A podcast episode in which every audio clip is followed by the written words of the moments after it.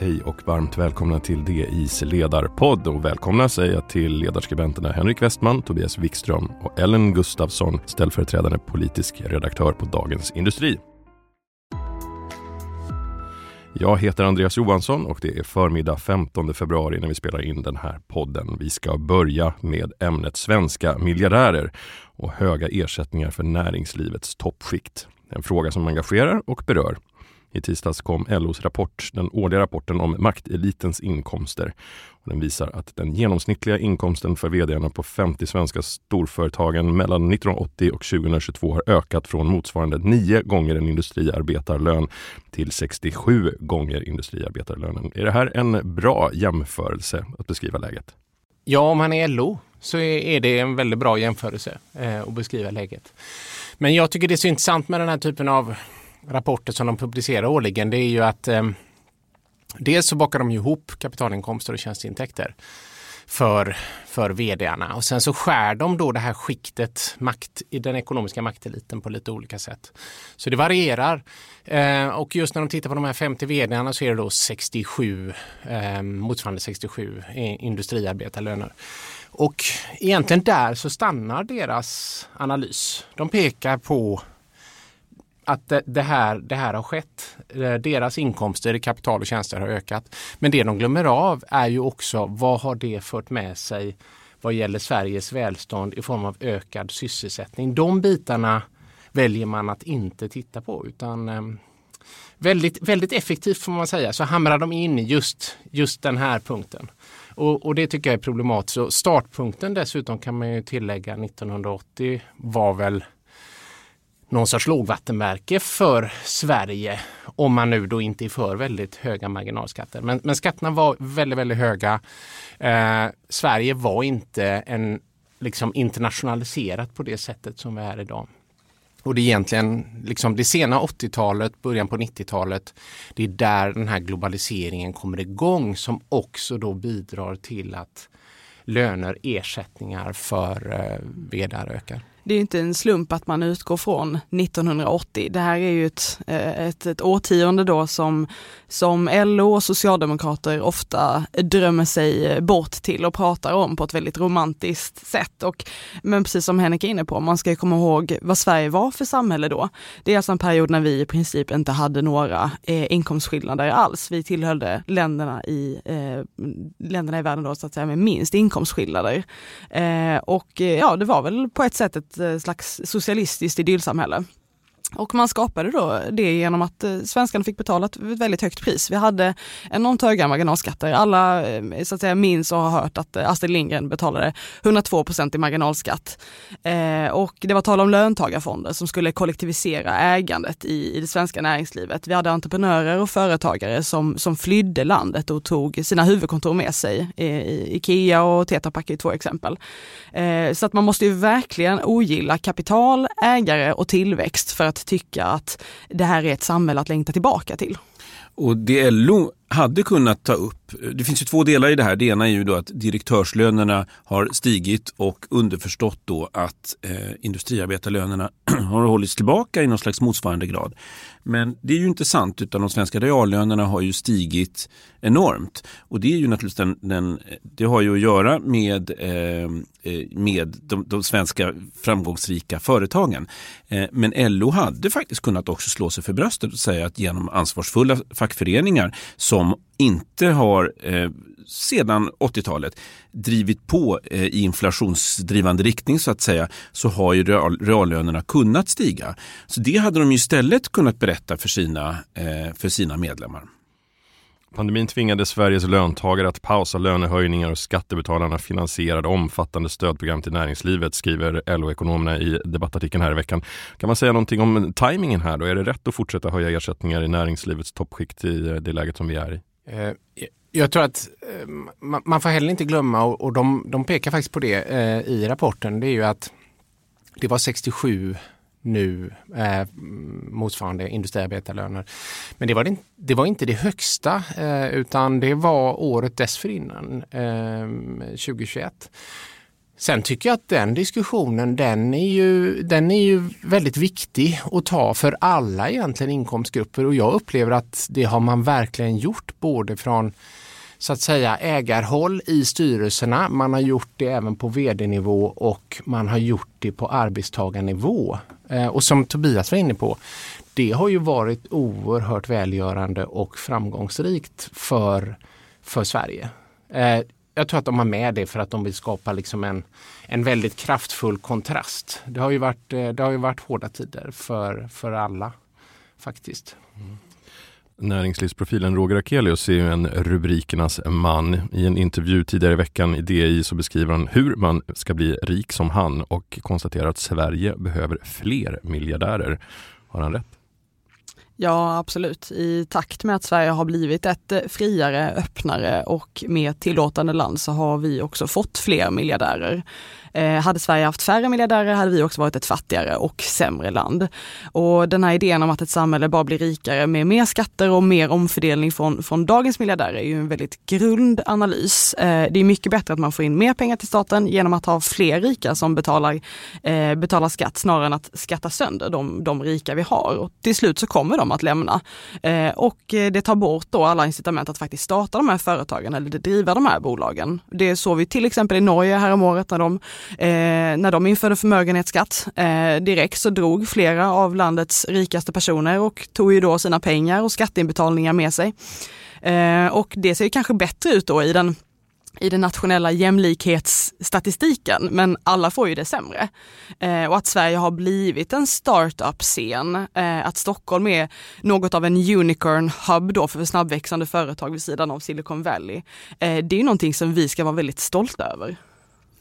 Och Roger Akelius, det är väldigt välgörande att han säger detta därför att samtidigt så finns det ju en del andra eh, rika personer får man kalla det, till exempel Niklas Adelbert som var med och, och, grundade Klarna som säger att vi som har tjänat så mycket pengar, vi borde betala mer skatt eh, än han då gör. Eh, och jag antar att han menar då kapitalskatter eh, gissar jag.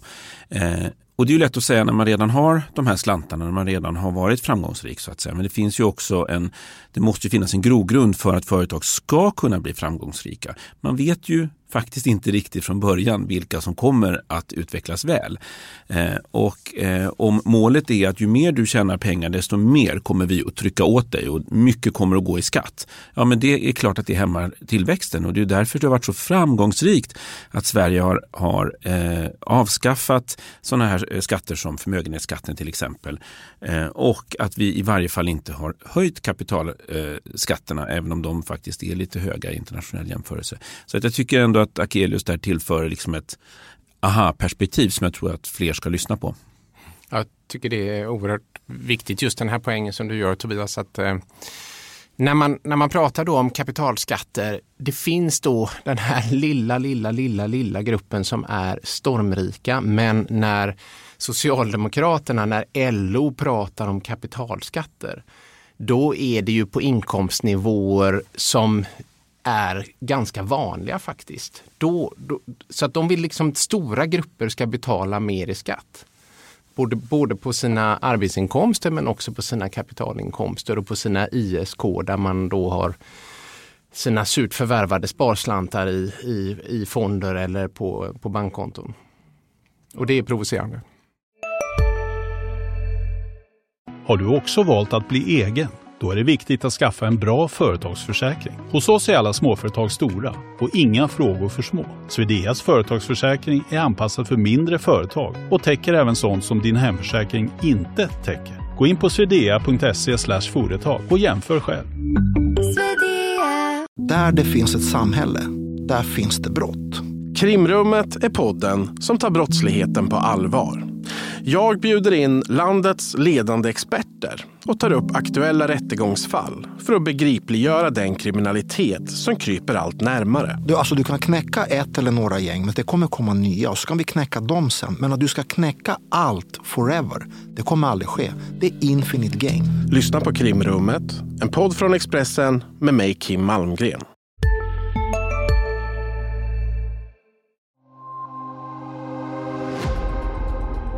Alla nya superrika har satt fart på en internationell debatt om rika och hur de borde beskattas, skrev Toren Nilsson, ledarskribent på DI, i, en ledare här i veckan. Hur ser ni på den här debatten i ett globalt perspektiv? Den finns ju över hela västvärlden eh, skulle jag säga.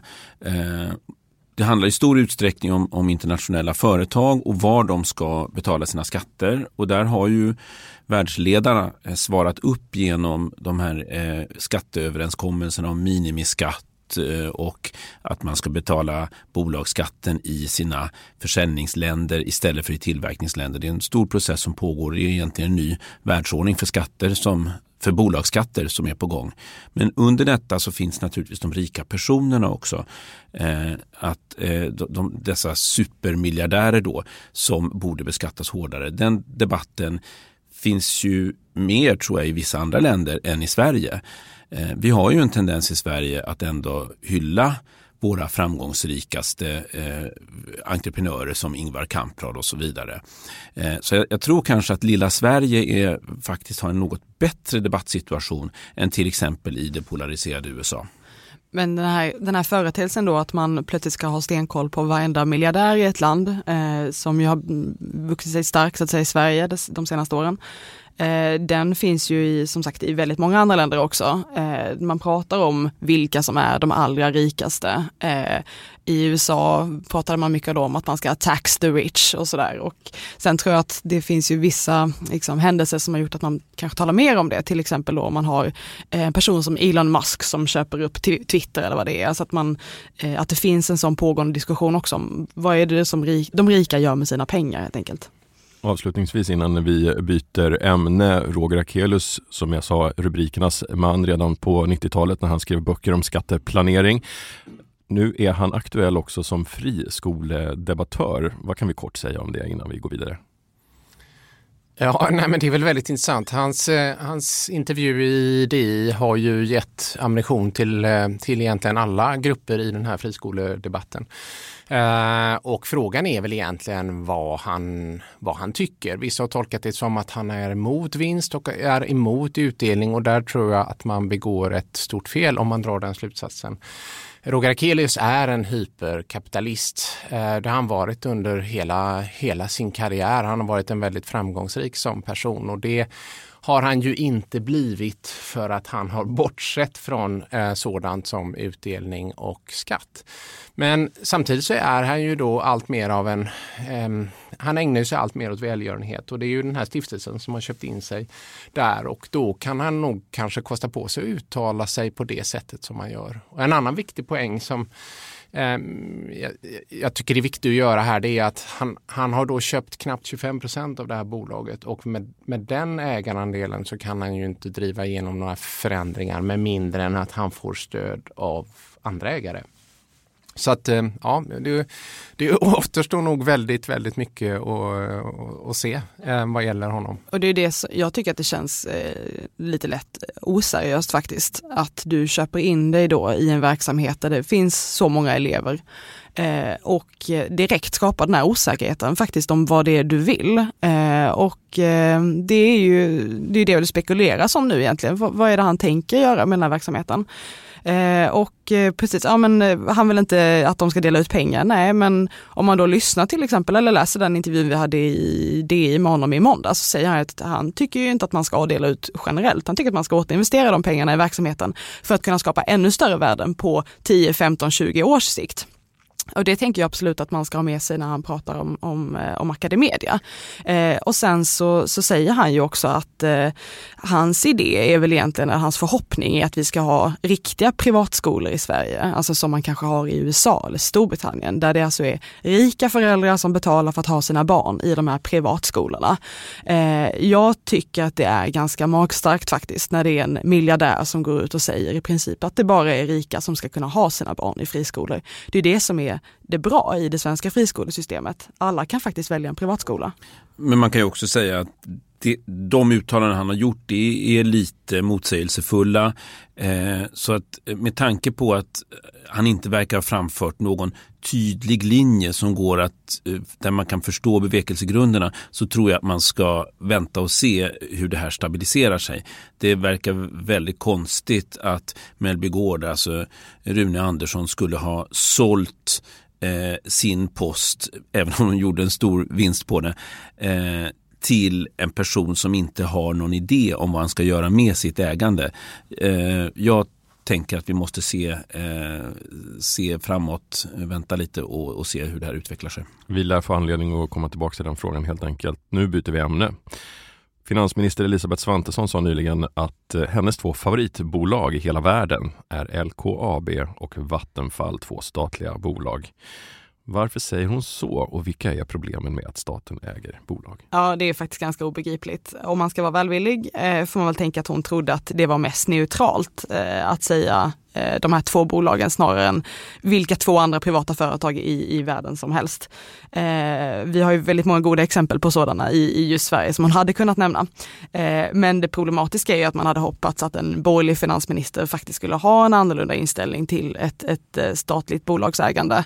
Eh, värdet på den statliga bolagsportföljen är 850 miljarder kronor. Det är ett ohyggligt brett och omfattande statligt ägande eh, som sträcker sig över, över väldigt många olika sektorer. Eh, och eh, vi har statligt ägande i allt från telekombolag till gruvbolag, till bemanningsföretag, kasinon, banker, apotek, bilbesiktning.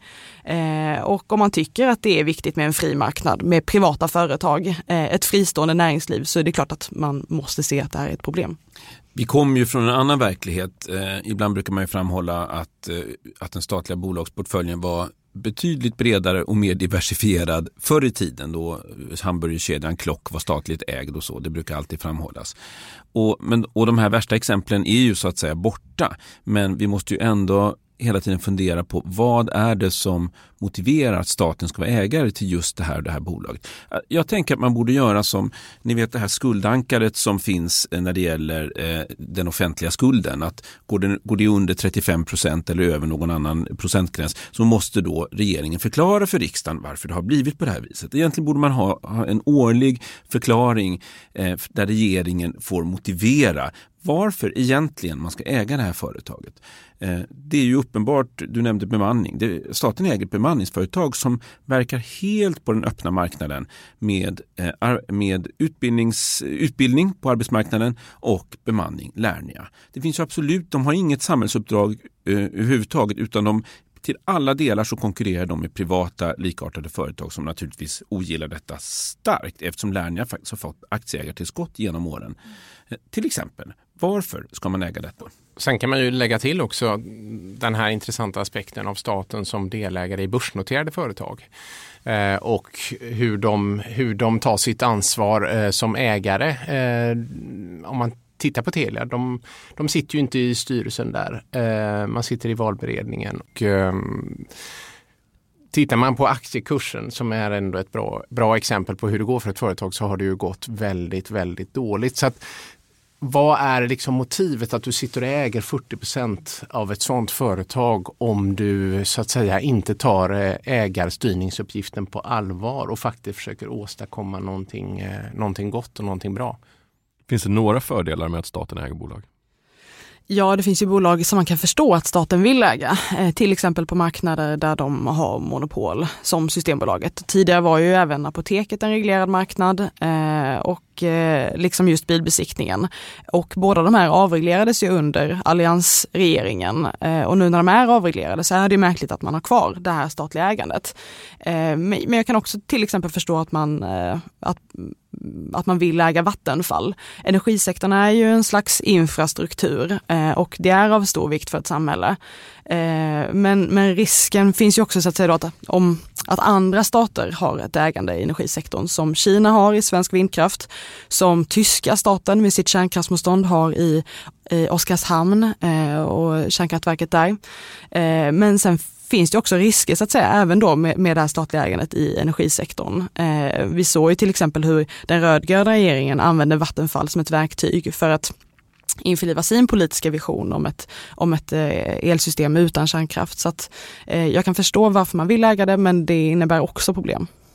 Vilka bolag borde staten sälja ut redan idag? Ja, det är en lång lista. jag nämnde ju Lernia då, eh, men man kan också fundera om Samhall behöver vara statligt ägt. Att det behövs, att det behövs vettig, eh, meningsfull sysselsättning eh, för personer som har problem att få ett ordinarie jobb på, arbets, på arbetsmarknaden. Det är ju utom, eh, utom tvekan så att säga.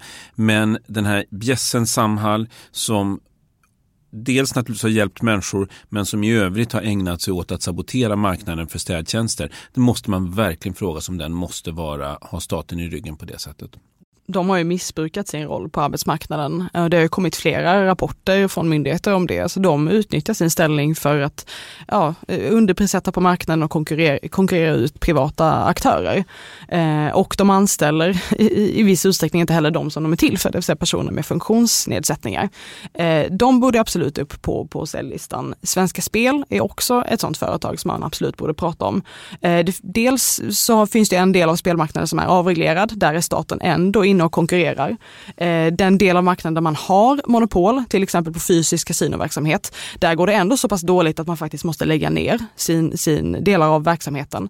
Eh, vilket ju i sig är enormt intressant. Hur kan man ha monopol och, och gå med förlust? Eh, Telia som vi var inne på, eh, det är en enorm maktkoncentration på, i, inom tv för staten med TV4 och med SVT. Det är klart att det är ett problem. Eh, Lernia som vi har varit inne på, Apoteket, Bilprovningen som jag också tidigare nämnde, Sveaskog. Eh, varför ska staten vara största skogsägare? i ett land där vi har så många olika privata eh, ägare, enskilda ägare och, och privata skogsbolag. Så att eh, det finns ju eh, en, en lång lista att börja, börja beta av helt enkelt. Den som vill fördjupa sig i eh, listan och ämnet kan med fördel läsa måndagens ledartext, eller hur Ellen? Ja, absolut. Tack för det Ellen, Tobias och Hej, Synoptik här. Hos oss får du hjälp med att ta hand om din ögonhälsa. Med vår synundersökning kan vi upptäcka både synförändringar och tecken på vanliga ögonsjukdomar. Boka tid på synoptik.se. Hej, Ulf Kristersson här. På många sätt är det en mörk tid vi lever i. Men nu tar vi ett stort steg för att göra Sverige till en tryggare och säkrare plats. Sverige är nu medlem i Nato. En för alla, alla för en. Henrik missar för allt i världen inte våra andra poddar, Digitalpodden, Makrorådet, Analyspodden och Stormens öga. Ansvarig utgivare är Peter Fällman och vi hörs igen nästa vecka.